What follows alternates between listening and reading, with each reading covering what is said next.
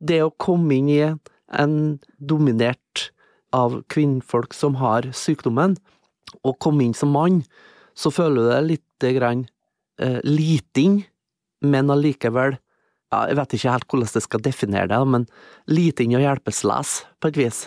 Fremtidens pasient, en kronisk podkast av Stoffskifteforbundet. I dagens episode så har vi besøk av Bjarni Dagbjartsson fra MS-forbundet og Tor Rune Halseth fra Storskytterforbundet.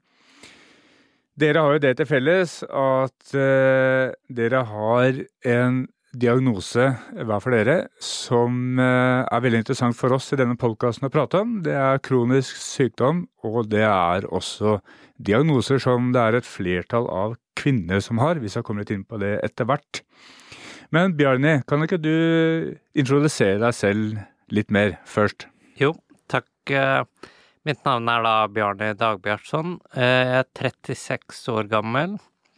Opprinnelig fra Island, men eh, bor i Lørenskog sammen med en kone og en hund.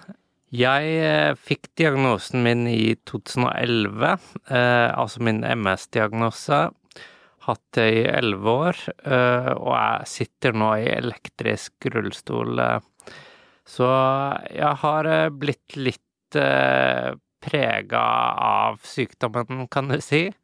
Eh, I tillegg har jeg fått en eh, stoffskiftesykdom eh, ja. i 2019. Så jeg har begge deler. Ja, det er ikke dårlig. Eh, hvilken stoffskiftesykdom er det vi prater om? Eh, Graves disease. Det er jo en sykdom der hvor skjoldkjertelen er skadet og blir operert bort, og så får du lavt stoffskifte? Jo, riktig. I mitt tilfelle tok jeg radiojod for å stråle den innifra. Mm. Så jeg har faktisk ikke fjernet den, eh, men jeg må gå ja. da på Levaksin resten av livet. Ja, for det bringer oss over på deg, Tor Rune. For du kan jo mye om stoffskiftesykdom. Ja, han har iallfall lært en del. Eh, når jeg fikk diagnosen og fant ut at jeg måtte lære om det for å kunne leve med det. Ja. For det er en eh, gavepakke som du får og må leve med. Mm. Mm. Og så er dere jo begge engasjert eh, i eh, frivillige verv. Altså du, Bjørnir, du er leder av eh, Ungutvalget i MS-forbundet og er sentralstyremedlem. Riktig. Og du, Tor Rune, er nyvalgt forbundsleder i Storskytterforbundet, og er også aktiv i lokallaget på Nordmøre. Stemmer. Ja. ja. Men altså, hvis vi skal tenke altså, Hvorfor sitter dere to her i dag? Eh, og da har vi jo tenkt at kanskje dere har litt til felles. Eh, dere er begge menn. Eh, dere har begge diagnoser med litt sammenfallende symptomer. En fellesnevner vi ser, er jo et utmattelsessymptom. Altså, dere er mye trøtte og har eh, mindre energi.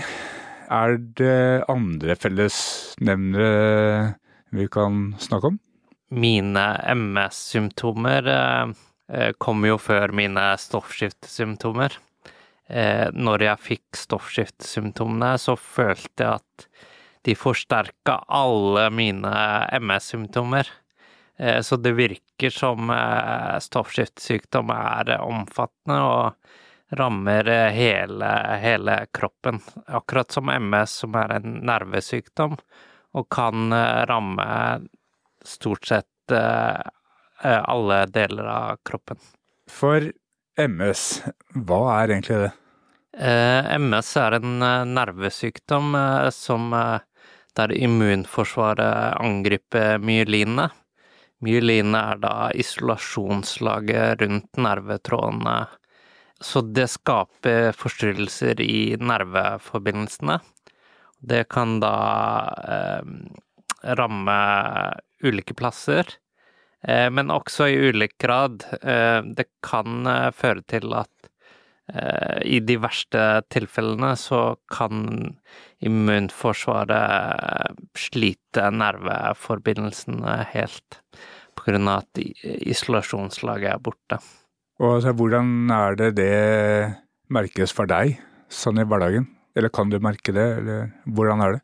For meg eh, har det påvirket veldig eh, ryggmargen eh, i forhold til gange, eh, i forhold til fordøyelsen og eh, at nerveforbindelsene ikke strekker frem dit de skal, da. Mm. Så noen dager kan jeg eh, røre litt på beina, men andre dager kan jeg ikke det. Og det er fordi forbindelsen kan variere veldig.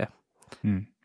Og så er det, eh, som jeg har lest litt, altså man kan jo få noe som heter attakker. Eh, Hva er det? Eh, Det er den mest vanlige formen for MS. Eh, De driver og diskuterer fordelingen nå, men om den er riktig. Men hvordan det har vært tidligere, så har man inndelt MS i attakkvis MS og progredierende eller progressiv MS. Mm. Jeg er da innenfor progressiv MS, der det ikke finnes i dag så mye behandlingsmuligheter. Mm. Mens attakkvis har man gode medisiner på, og de medisinene er mest for å forhindre disse attakkene. Mm. Attakkene er eh, type forverring i sykdomsbildet som kan gå tilbake. At funksjonen kan gå litt opp og ned eh, når du har attakkvis.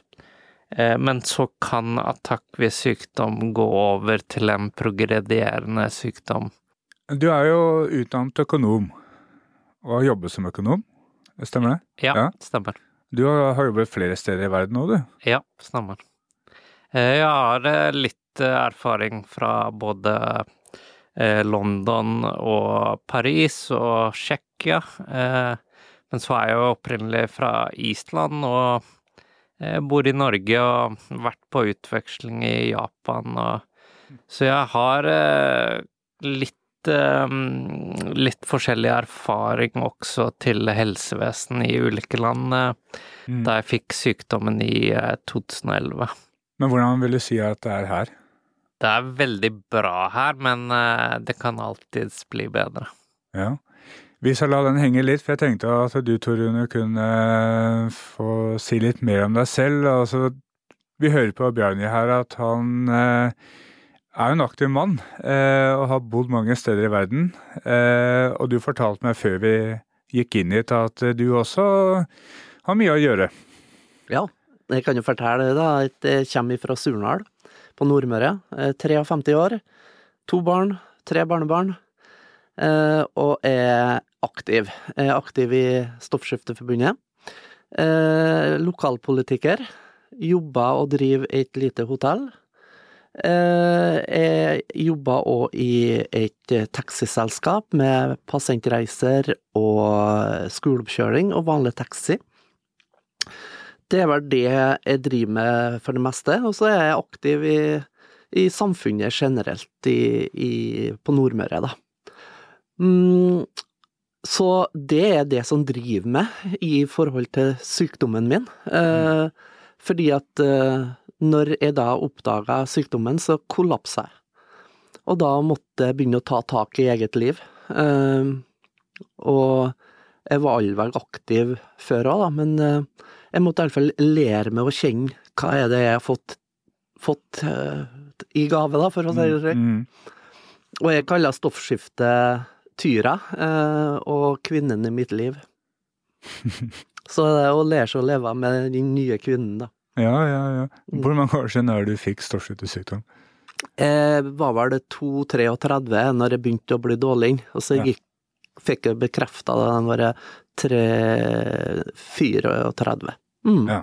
Men hvordan får du det til å gjøre så mye? Det gir så mye glede og, og energi, det å være med å påvirke, det å Ja. være med å få innsikt. Ja. Eh, og det å lære andre i samme situasjoner. Eh, det, det gir så mye at eh, det er gevinst i seg sjøl, som eh, gir mening, da. Mm. Mm. Tilhørighet, ikke minst. Ja. Mm. For hva er det dere tenker eh, Altså komme litt tilbake til eh, hvilken erfaring dere har både med helsevesenet og frivilligheten, og hva dere i kraft av å ha verv da, kan gi tilbake til de som eh, sitter og lurer. Hva gjør jeg nå, og hvordan skal jeg løse det? Altså, hvordan har møtet med legen vært opp igjennom? Vil dere si, hvis vi begynner med deg, Bjørni? Når man får MS, så får man jo jevnlig oppfølging av eh, en nevrolog, en spesialist. Og jeg har vært på stort sett årlige kontroller der jeg har fått eh, gjerne 15 minutter eh, hvert år. Og det For meg har det vært selvfølgelig tilstrekkelig oppfølging med en slags MR-kontroll, og så går man gjennom om man har fått funn eller ikke når jeg ikke hadde noe funksjonstap eller symptomer, sånn sett. Men med en gang jeg begynte å få symptomforverringer og sykdomsbildet forverra seg betydelig, mm. så var det ganske labert tilbud. Og eh, da kommer det jo inn at man må kanskje bruke fastlegen mer.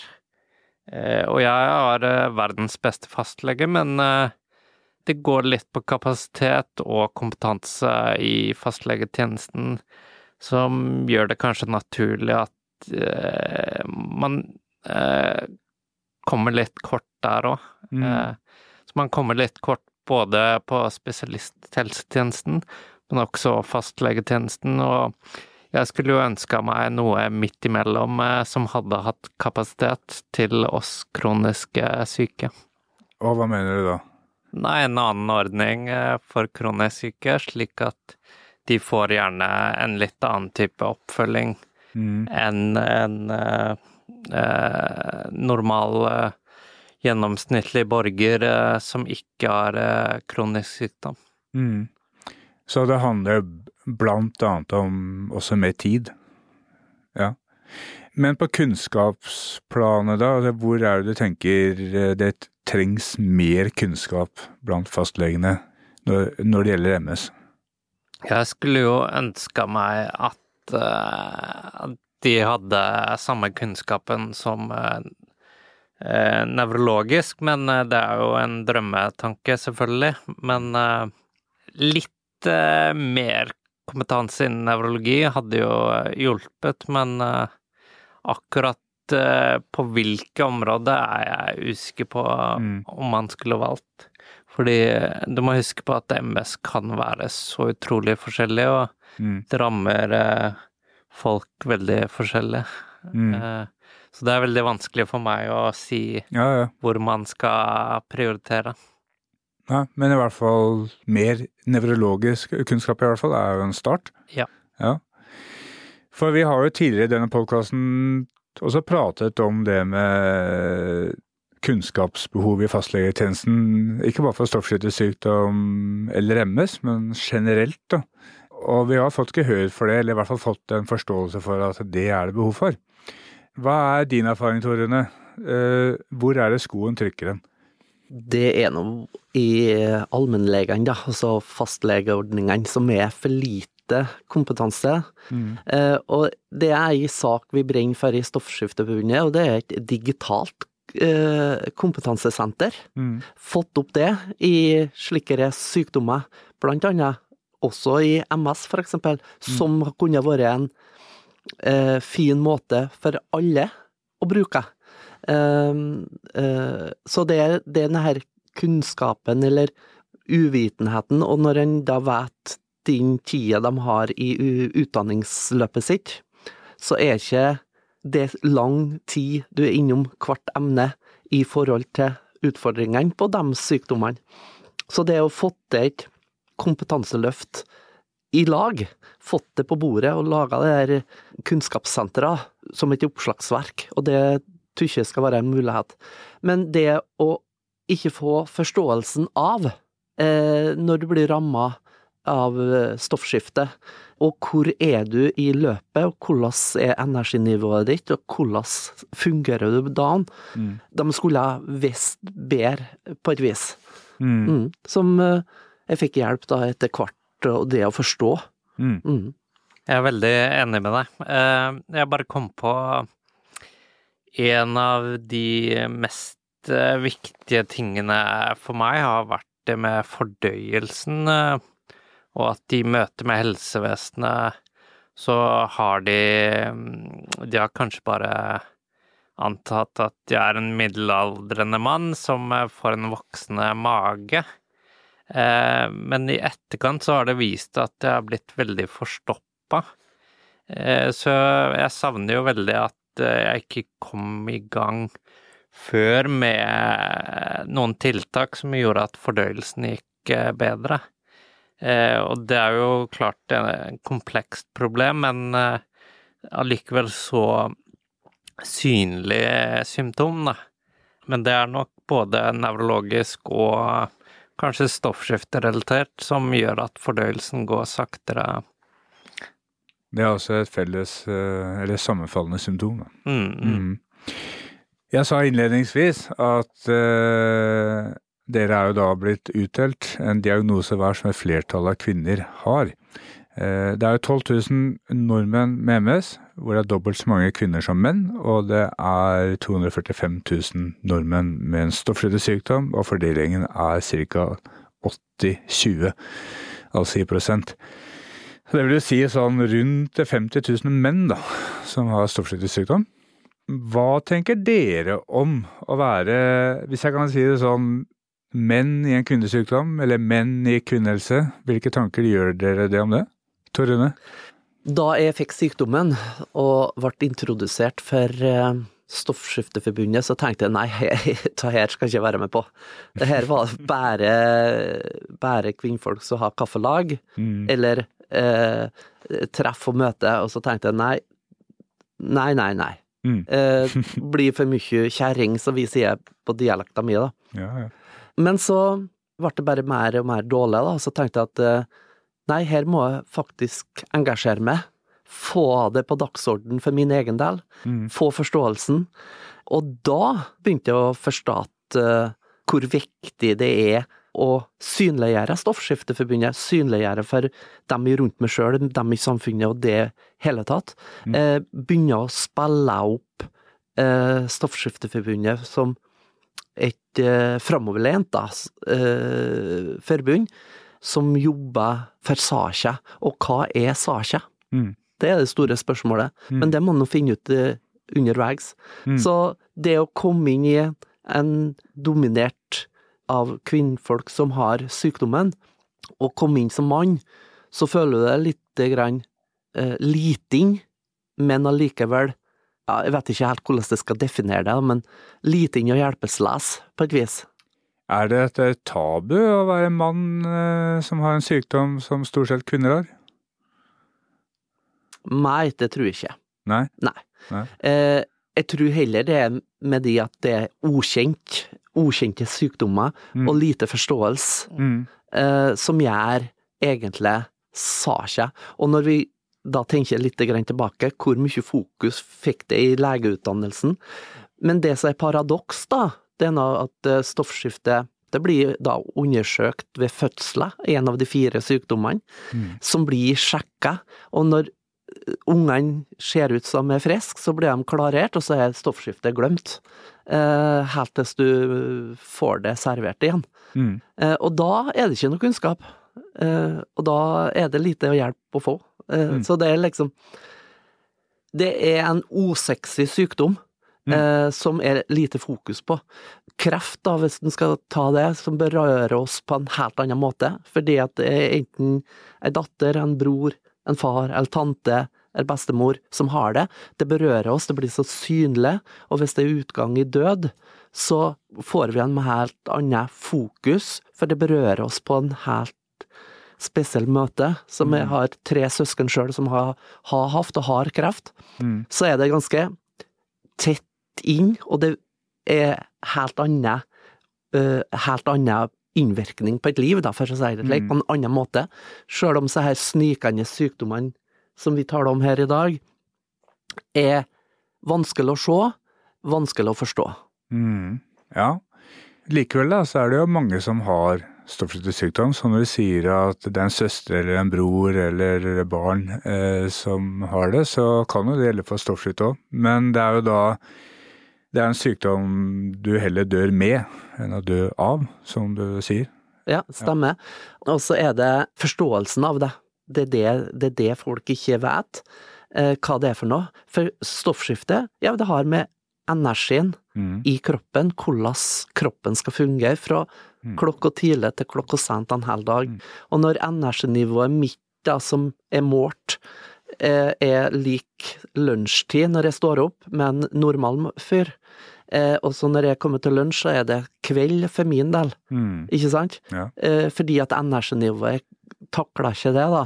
Eh, og dermed er det også viktig med Altså, det er interessant å høre med eh, fordøyelsen, for det òg kan være slik snikende attåtsykdommer i forbindelse med stoffskifte. da. Mm. Så det kommer mange slike, og når du skal da ha i fordøyelsen, så skal være det å ta opp energien, Mm. så er det noen dobbel utfordringer. Mm. Men det at det er så usynlig, kan det også være et element av at du i løpet av dagen Altså, du gjør mye, da. ikke sant? Du driver hotell, og du kjører pasientreiser, og du er aktiv lokalpolitiker, og du er verv, og det er veldig mye.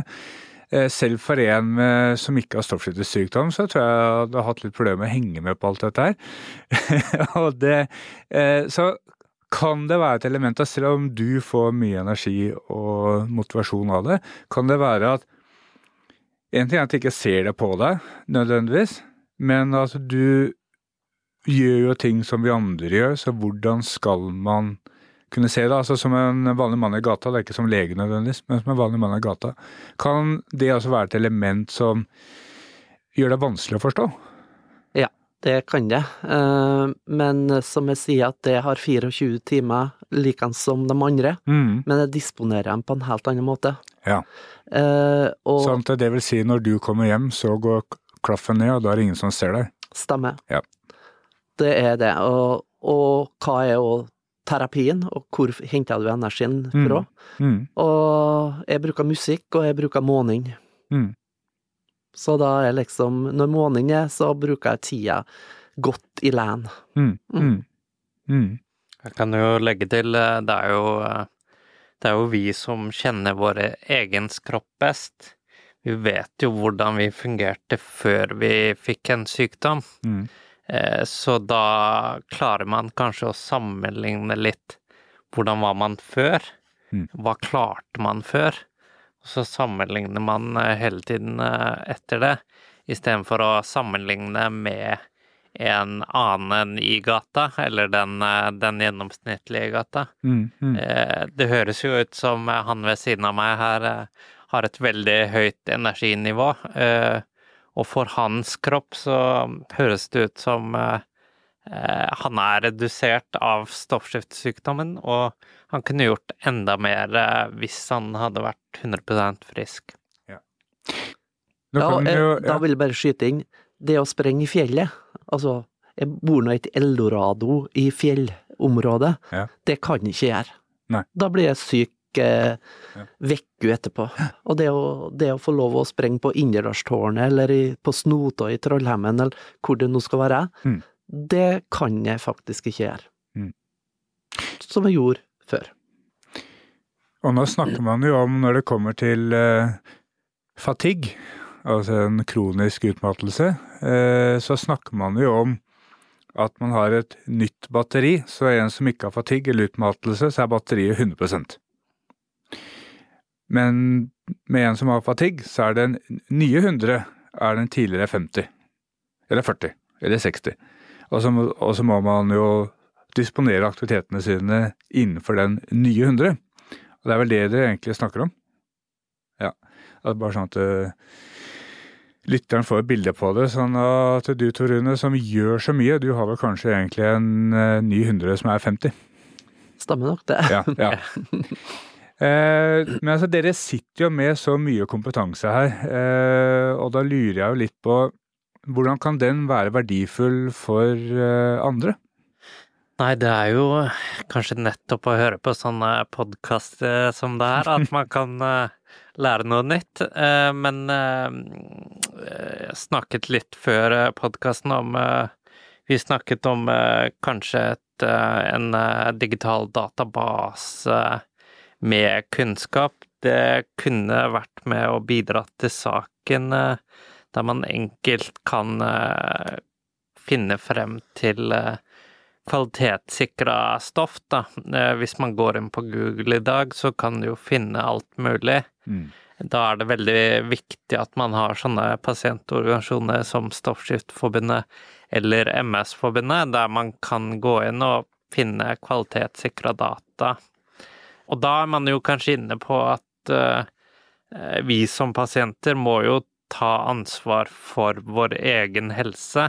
Mm. Uh, og når man skal til en legetime, for eksempel, at man prøver å forberede seg litt til den legetimen.